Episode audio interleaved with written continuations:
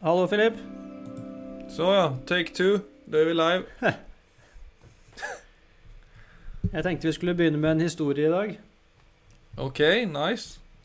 Ja, og dette er eh, altså fra en forfatter som heter eh, Sean Lidlöf, som er en kvinnelig, kvinnelig forfatter. Og som eh, ung kvinne så ble hun invitert av to italienske menn for å rett og slett gå på diamantjakt i Venezuela. Og eh, det syntes hun hørtes såpass spennende ut at hun aksepterte. Og når de kom dit, så leide de altså flere søramerikanske indianere som eh, arbeidskraft. Og så eh, kjøpte de en kano som, var- som var hogget ut av en trestamme, så en ganske tung ting, for å komme seg frem. Mm. På et eh, tidspunkt i den reisen så måtte de bære kanoen over land. Altså, og eh, det var veldig stenete terreng, og det var selvfølgelig veldig varmt. Og eh, alle måtte ta eh, sin tørn for å jobbe. Mm. Og de ble selvfølgelig kutta opp av disse steinene, og det var, det var tungt og vondt og varmt og smertefullt. Og så begynte hun å legge merke til Altså hvordan uh, italienerne De behandla hvert eneste kutt og, og hver eneste ujevnhet i terrenget som uh, Altså som uh, noe som gikk imot dem.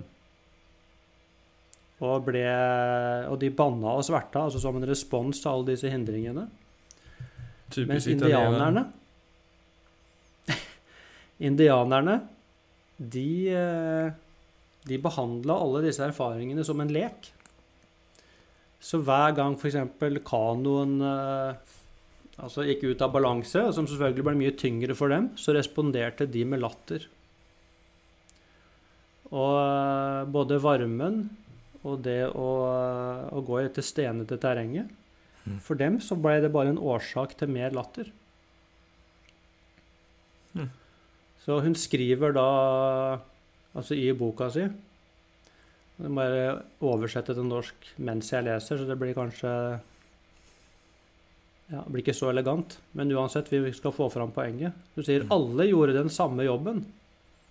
Alle erfarte eh, smerte.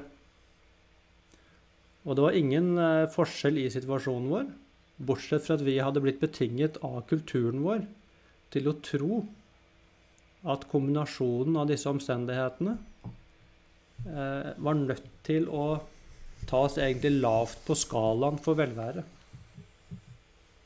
Og vi var helt ubevisste at vi hadde et annet valg. Indianerne på den andre siden, som var altså like ubevisste på at de hadde et valg, men de var i en eh, altså en fantastisk lys sinnstilstand. Og, og virkelig nøt kameraderiet. Og hadde ikke noe Det var ingenting Det var ingen sånn negativ energi som bygde Nei. seg opp Mhm. for å egentlig grue seg til neste dag. Han sier hvert eneste skritt fremover for dem var som en liten seier. Mm. Og etter at hun observerte det i jungelen, så, så bestemte hun seg for å prøve det samme. Altså heller se det som en lek. Og fant ut at det faktisk hjalp enormt på eh, humøret hennes. Ja, vi, jeg tenkte først at om indianerne hadde det morsomt over reaksjonene til italienerne også, men det Nei, jeg tror, jeg tror faktisk ikke det. Nei, Jeg jeg, skjønner poengen. de- Jeg skjønner poengen at uh, At det ikke nødvendigvis er Ja, det er sånn kulturforskjell, som du sier. At det ikke nødvendigvis har en uh, At det er negativt å gjøre en anstrengning som ikke alltid bare kjennes godt. Ja, altså Hva er det første du tenker når du hører historien? Hva er det første som går gjennom hodet ditt? Alltså spontant så är det ju, alltså ting som är slitsamt tycker man är slitsamt där och då, men i, efter att man har gjort någonting som är slitsamt så kan man ju ofta känna på en, en tillfredshet över att man gjorde någonting som var slitsamt. Men jag tror det är fort gjort att hamna i, eh, visst du inte bevisst eh, dig själv så tror jag det är väldigt fort gjort att man bara tycker ting som är slitsamt är slitsamt. Men at man etterpå kjenner på, det som man alltid sier efter en løptur, efter en meditasjon, efter et eller annet som har vært jobbig, da kommer belønningen. Ja, men, eh, men, la oss glemme nå i etterkant. For det, det som eh, Det hun beskriver her, er jo at midt i anstrengelsen så er det jo Her er det en gruppe mennesker som gjør akkurat det samme. Og så er det noen som banner og sverter, og så er det noen som holder på å le seg i hjel. Altså le seg i hjel, den uh... Ja, eller le seg i hjel, men som, hadde, som koste seg, da. Noen koste seg, og noen banna og sverta og så bare problemer. I akkurat ja. den samme situasjonen. Ja, jeg tenker det er deilig å ta Altså, de Det er jo deilig å ta kroppen i bruk og være i bruk. jo da, men, men eh, altså det vi Det er selvfølgelig riktig alt det du sier, men jeg tror det som er uh, Altså Det virkelig viktige poenget her, det er dette som de kaller Det kalles ofte i psykologien altså for uh, framing på engelsk. Eller bare en ramme på norsk. At vi setter, og det gjør vi jo enten vi vet det eller ikke, så setter vi all erfaringen vår i en ramme. Og, og hvis du går på autopilot, så setter du jo all erfaringen din i den rammen som du har blitt opplært til å sette den i. Og det var det som skjedde i historien her. altså Italienerne var opplært til å sette det i én ramme, og indianerne i en annen ramme. Så noen koste seg, og noen uh, hadde det helt for jævlig. Men så kom jo da Så ser du jo hun forfatteren, da. Mm. Hun oppdager jo dette. Og blir, så hun blir bevisst situasjonen. Så hun på en måte klarer da å observere dette litt utenfra, og i det så får hun et nytt valg som hun prøver ut. Og det er jo å sette denne, denne opplevelsen inn i samme rammen som indianerne. Altså begynne å se det som en lek istedenfor å se det bare som noe som ikke skulle ha skjedd. Jo, men den rammen kommer vel av, den, av å kunne se helheten, mer enn å bare bli sånn oppslukt i der og da. At dette er tungt, eller dette er Og når du setter deg ned og kroppen i mørbanka, da kommer tillfredsställelsen in, istället, för att, istället du der og da kan se på det med et annet blikk. Ja, altså det er klart altså Hun uh, får jo dette valget nettopp fordi hun uh, du kan si, hun blir mer tilstedeværende. Så hun ser dette nå. Hun får Hun ser situasjonen, og hun ser seg selv, og hun ser da at hun har et valg. Men det, men det er veldig viktig å se at den Det spiller ingen rolle hva som skjer etterpå. Altså sånn uh, det som er virkelig poenget her, det er å se hva skjer hvis jeg skifter frame i denne situasjonen. Altså hva skjer nå, ikke hva skjer, eh, ikke hva skjer etterpå. Nei, men da er jo clouen altså, Clouen er jo da Hvordan skal du skifte frame Ja, akkurat. I, altså, i smertens stund. Yes. Hva er, grunden, hva er grunnen til at du skal se det som en lek? Ja, nettopp. Hva er grunnen? Ja, det er for at det hva... så klart blir mindre smertefullt, men det kan man jo si om alle smertefulle situasjoner. men du må jo ha en, Det er derfor jeg med den, hel, den helhetsbilden. Tenker, det er derfor jeg tenker på at det på et eller annet sett er, er viktig å se hvorfor er det Hvorfor skulle det kunne være en lek å både ha vondt og være i bruk og være på eventyr? Hvorfor er det en større grunn til å ha et positivt syn på det enn å ha et negativt syn på det. Ja, altså, hvordan kommer altså, man dit, mener jeg? Ja, jeg tror jo man kommer dit gjennom eh, altså For det første, da. Altså det å lese en sånn historie, og det at vi nå snakker om den, så vil jeg jo tro at de som hører på, setter dette inn i sitt eget liv. Det, det er i hvert fall det som er selvfølgelig invitasjonen. Da. Det er å se Oi, har jeg noen situasjoner i livet mitt som, eh, som jeg har satt i en sånn la oss si, en ramme av motstand. da. Mm. Når noe skjer, så kan jeg si det skulle ikke ha skjedd. Det var urettferdig. Hvorfor skal alltid jeg ha så uflaks? Eh, og i det, selvfølgelig, så prøver jeg jo egentlig å dytte disse tingene ut av livet mitt. Og så setter jeg meg fast i det. Det er jo det som ofte skjer med smertefulle ting. Vi, akkurat som vi går inn med ryggen først. Mm. Og så ser vi ikke det at ved å gjøre det, så blir det bare dobbelt så vondt. Så jeg tror jo at det som, eh, det som er viktig her, er jo refleksjon. For det at det å det er klart, det å sette det i en sånn uh, ramme som indianerne gjør, da, de, for dem så gikk jo det automatisk, for de er jo lært opp sånn. Men hvis man er lært opp som jeg tror de fleste av oss i dag, til at uh, vi ser ikke sånne ting som en lek, vi ser på det som noe som er uønsket. Så det å trene på å skifte frame, det vil jo være mm. uh, altså noe som selvfølgelig ja, både er tidkrevende og noe man må jobbe med. Ja, for ellers er man ikke opplært til det alls, tenker jeg. At smerte som oppstår, eller lidelse som oppstår, er bare et uttrykk i det som du skal bekjente deg med og forstå på egen hånd. Altså, jeg vokste ikke opp med verken det ene eller det andre, opplever jeg. Jeg opplevde bare at smerte kom inn i mitt liv. Og så kunne det jo vise seg at den smerten senere kunne gi meg et godt liv også. Men det var ingen, det var ingen, eh, ingen eh, färdighet eller noen som pratade om hvordan man kunde förhålla seg til ja, smertefulla situasjoner som en potentiell mm. lek då, hvis jeg skal referere til det du sa.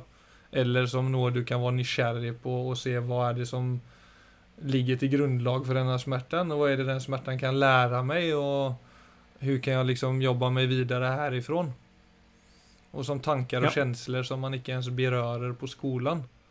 Det er jo fremmede fenomen for en voksen person i 19 års alder. Eller kanskje ikke som Jeg vet ikke eksakt i dag, men så som i min kultur og der jeg kommer ifra, så var jo ikke det Det var jo noe som Når man ble eldre, man plutselig fikk eh, Ja, bare, som bare entret livet. Og så skulle du liksom begynne forholde deg til det.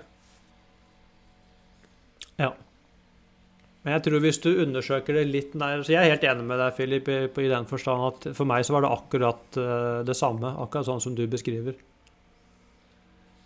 Du har, men hvis du ser da i Altså i den måten å forholde seg til livet på, så er det allerede en innlæring. Og uh, det å ikke snakke om ting, det er også en form for betinging.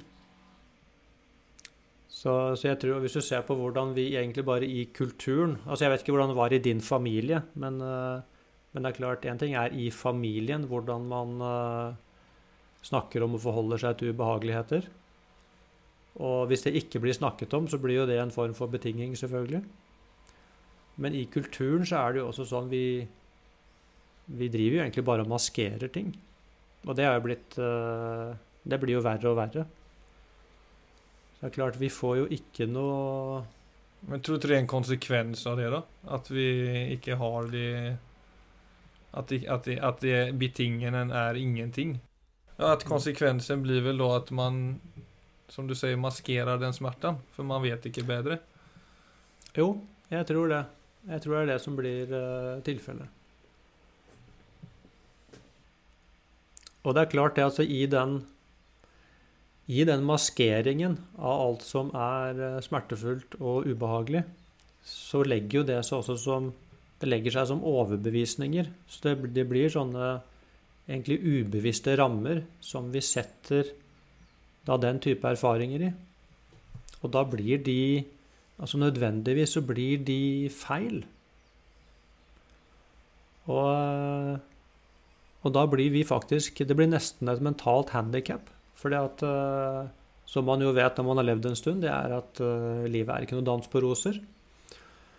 Og hvis da man skal møte alle de utfordringene i livet som er nødt til å komme, som om de var feil, mm. så får jeg jo et kjempeproblem.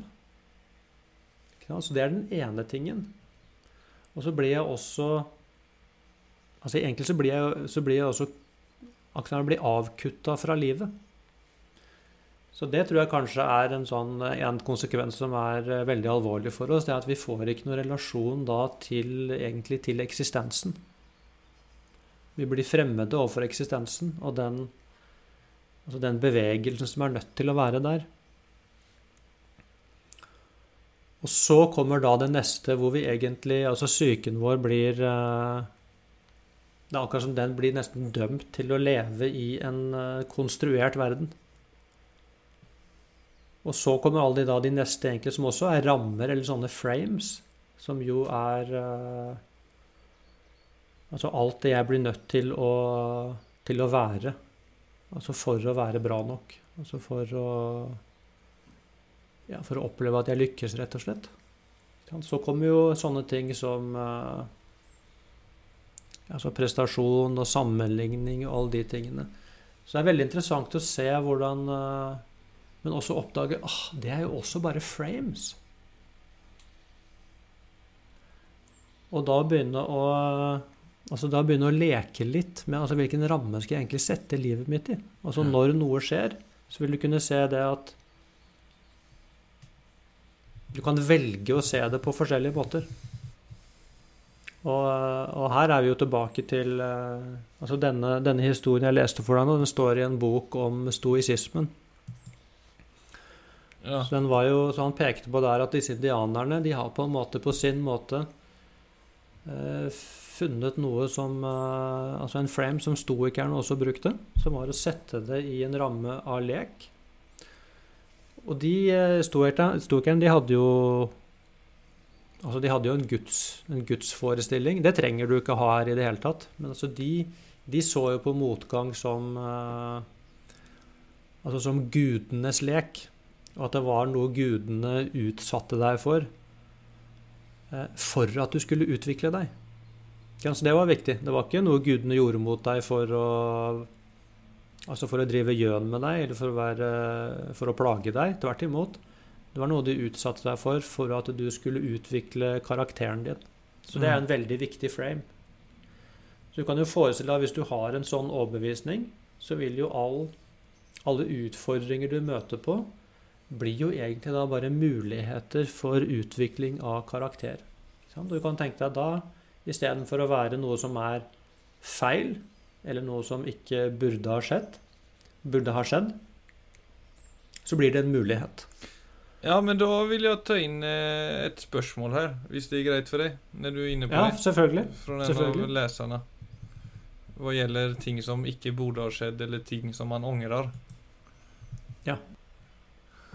Jeg da det er følgende et utdrag fra den mailen. Jeg syns det er vanskelig å akseptere ting som har skjedd, eller ting jeg har gjort i førtiden. F.eks. For i møte med mennesker. Med nye mennesker har jeg ofte vært veldig tilbaketrukket og sjenert. Når jeg tenker på det nå, skulle jeg ønske jeg hadde oppført meg annerledes og vært mer utadvendt. For da hadde disse nye menneskene kanskje vært vennene mine nå. Slike ting går jeg stadig rundt og angrer på og tenker at hvis jeg bare kunne reise tilbake i tid, hadde jeg gjort alt mye bedre. Kanskje dere har noen gode tips på hvordan man kan leve med feil man har gjort, i stedet for å ønske at man hadde gjort noe annerledes? Eller hvordan komme seg videre hvis det er noe man angrer på? Ja, da Da blir det jo Altså Hvis vi tar det spørsmålet inn i konteksten av det vi snakker om nå, så vil du også se det at uh, altså det å angre, det er jo også en uh, frame. Det er også en ramme. Og det å faktisk få øye på at det går an å se på de tingene på en annen måte. Så jeg vil jo først og fremst da altså invitere den som har stilt dette spørsmålet, til å Eh, heller still deg selv spørsmålet når du ser tilbake på ting du har angret på. Hva er læringen i dette? Altså disse tingene som var så ubehagelige, som jeg gjerne skulle gjort annerledes. Hva kan jeg lære av det? For da har det vært til nytte. Selv om det da var vondt, så har det vært til nytte. For at det blir jo Det blir trappetrinnet som jeg nå står på for å ta andre valg fra nå av. Mm.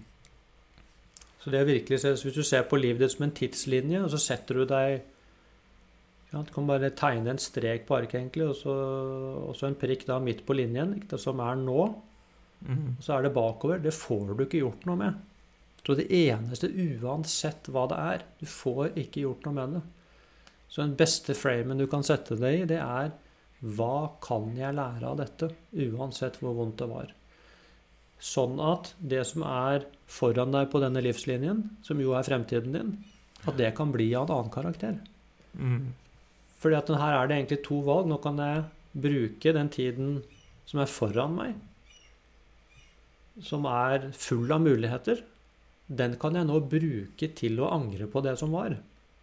Og hvis du ser det på den måten, så tror jeg alle vil være enige om at det er dårlig bruk av tid. Ja. Mens hvis jeg derimot ser tilbake og sier 'hva var læringen', så Mm. har jo vedkommende nå allerede eh, gitt seg egentlig selv noen gode råd. Altså Jeg skulle ønske at jeg ikke hadde vært så tilbaketrukken. Det vil si, det er ikke sikkert hvis du er innadvendt at du klarer å bli utadvendt. Men det som går an, selv om man er innadvendt, det er jo å finne mot til å ta kontakt. Finne mot til å uttrykke seg. Selv om det ikke føles naturlig.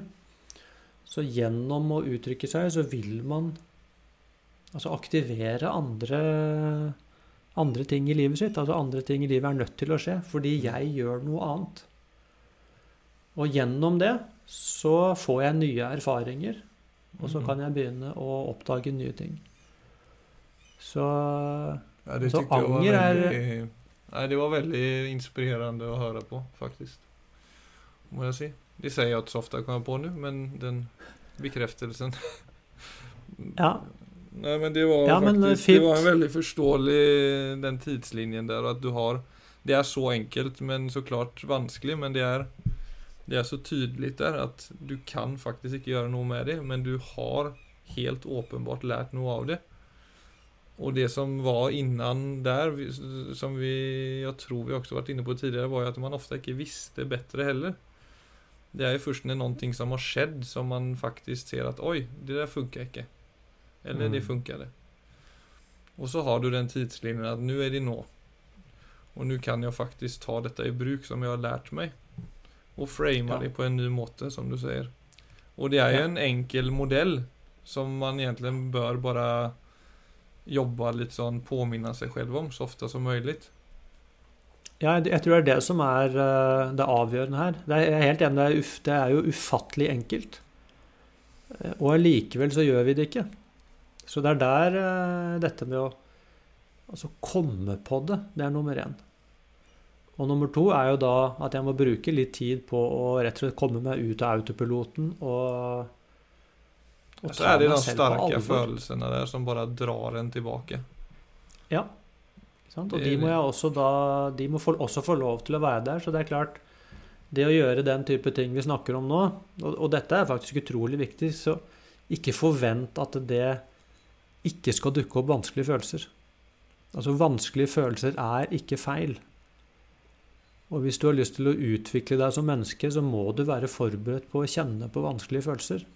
Mm. Så f.eks. anger. altså det er klart, Jeg kan jo også se tilbake på livet mitt, så er det jo veldig mange ting Hvis jeg ser på det isolert sett, altså hvor jeg har eh, Altså hvor jeg har gjort noe som har såra andre mennesker, f.eks., eller gjort noe som, eh, som hvor jeg såra meg selv, så er det jo veldig lett å kunne si åh, jeg skulle gjerne vært det foruten.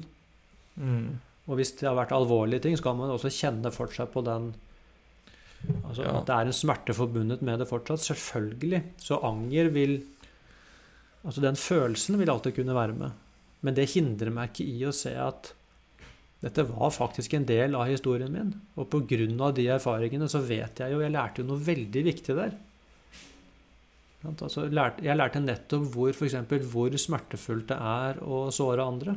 Eller hvor smertefullt det er å Når jeg la frykten min vinne over meg istedenfor motet mitt. Og det er en utrolig viktig erfaring. For det er akkurat det jeg trenger neste gang jeg blir redd. Kanskje Mm. av den erfaringen så kan jeg finne fram motet. Og på et eller annet tidspunkt så vil motet bli sterkere enn frykten. Nettopp fordi jeg har erfart hvor smertefullt det er å altså hele tiden bli styrt av frykt, f.eks. Og det er klart, hvis du ser på det da litt ovenfra, så, så, vil du også se at det er nytteløst å anklage seg selv for at jeg var feig. For det var bare da, da var feigheten var sterkere enn motet. Og, og da må det bare spille seg ut på den måten. Så vi gjør alltid altså Uansett hvor dårlig man kan uh, egentlig synes det ser ut i etterkant, så vil du se, hvis du undersøker, at du alltid gjorde ditt beste. Mm. Så vi har bare denne ideen om liksom et menneske som er helt suverent og går gjennom verden på en sånn ja, ikke sant? Men det mennesket fins ikke. Nei, for det er også på den andre siden at som å gå i altså oenigheter med folk, det vil jo også skje hvis Altså om man bortser fra å såre noen veldig mye. Altså, jeg har en, sånn som her i bakgården har vi haft en, der jeg bor så har vi haft en stor eh, ommøblering, höll jeg på å si, Av både gress og asfalt og alt mulig. En stor renovering. Och jag brukar inte vara den som går in i sådana diskussioner så ofta. För jag kanske inte har haft så stor intresse för egentligen vad som har skett där. Det har inte spelat så stor roll för mig. Men när det skjedde så var det såpass stort at det var omöjligt å ikke lägga märke til hva som skjedde i bakgården.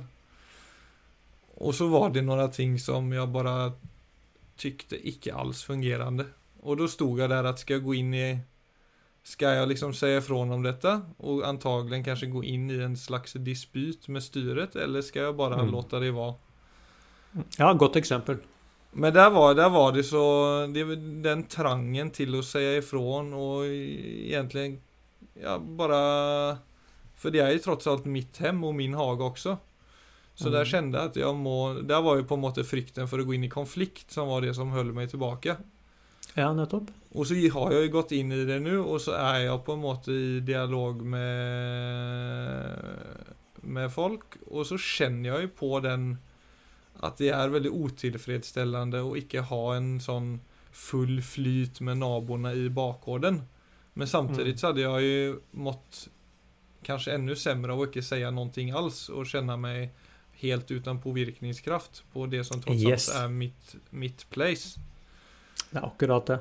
Så der er det sånn Det er jo hele tiden man, Bare sånn oppsummering av hva du sier, og litt det jeg sier nå, at jeg vil jo jo fortere man aksepterer at det å være uenig også da kanskje ikke nødvendigvis er så feil, at man må prøve å frame det også på en ja. måte som kan kjennes styrkende, og ikke bare sånn 'Å nei, nå tør jeg ikke møte naboen'.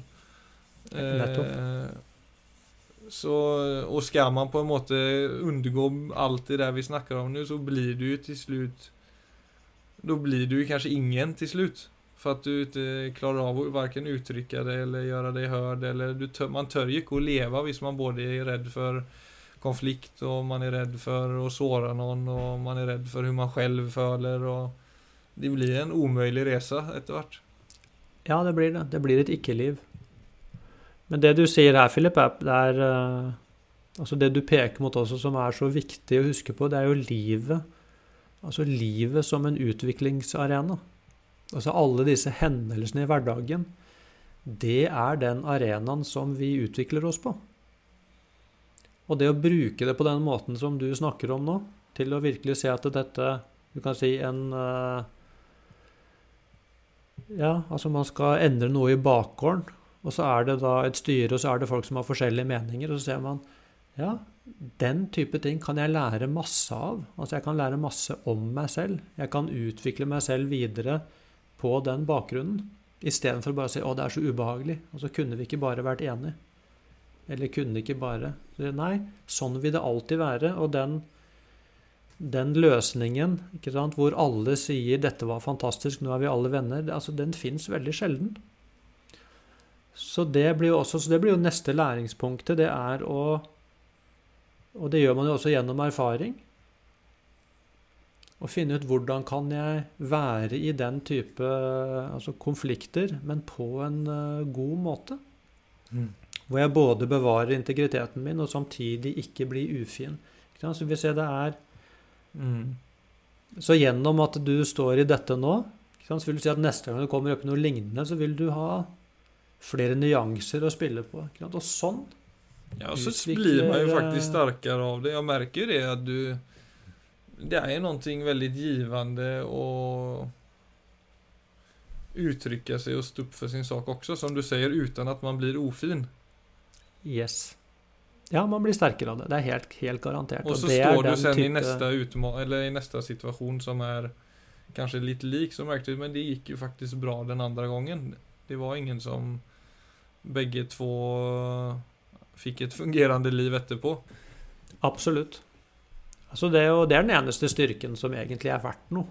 Altså det er når man, man går over sine egne hindringer. Altså sånn, det, er ikke, det er ikke noe som heter mot hvis ikke det finnes frykt. Så det er akkurat i situasjoner hvor vi, altså hvor vi er engstelige, vi blir litt redde, vi er usikre på, på utfallet. Det er egentlig de som er mest potente for å finne altså den genuine selvfølelsen. Så det er mye mer, altså det vi snakker om her, er mye sterkere og mye mer vedvarende enn hvis du fikk eh, førsteprisen som årets fotograf. Ikke sant? Da, da vil du få en high, men det er ikke sikkert det vil gjøre Altså går til dypet av uh, selvfølelsen din. Det gjør, ja, det det, blir gjør det veldig- ofte ikke. Det blir väldigt fort att du letar efter en... Alltså när jag hamnar i sådana situationer så kan jag just märka det att jag... Okej, hur ska jag lösa detta nu bara för att liksom bli, bli kvitt den känslan?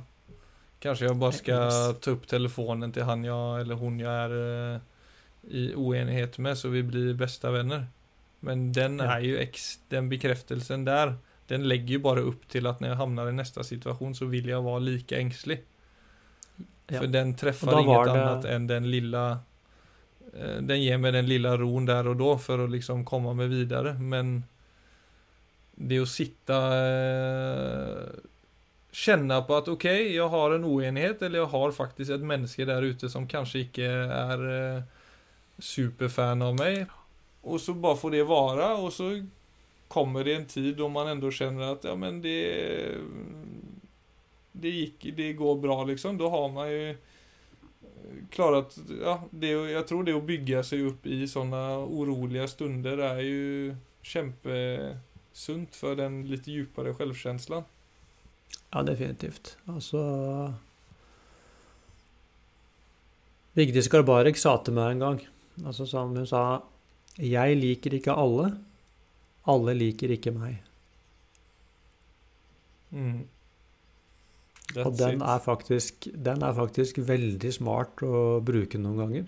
Altså fordi at uh, Da er man fri til det. Da kan, da kan man legge vekten et annet sted enn at det er at alle må like meg. For da blir man handlingslamma. Ja. Så Ja. Well Ja, done, men Philip. Altså, da har vi Ja. Det har vi. Da er du, da er du gjennom uh, oppussing av bakgården rett og slett gitt en nøkkel til, eh, til oss alle på hvordan vi kan eh, bruke alle disse hverdagssituasjonene som et speil på oss selv. Ja, det er hyggelig å kunne bidra til samfunnet. Ja. Det er flott, Philip. Takk for i dag. Ses!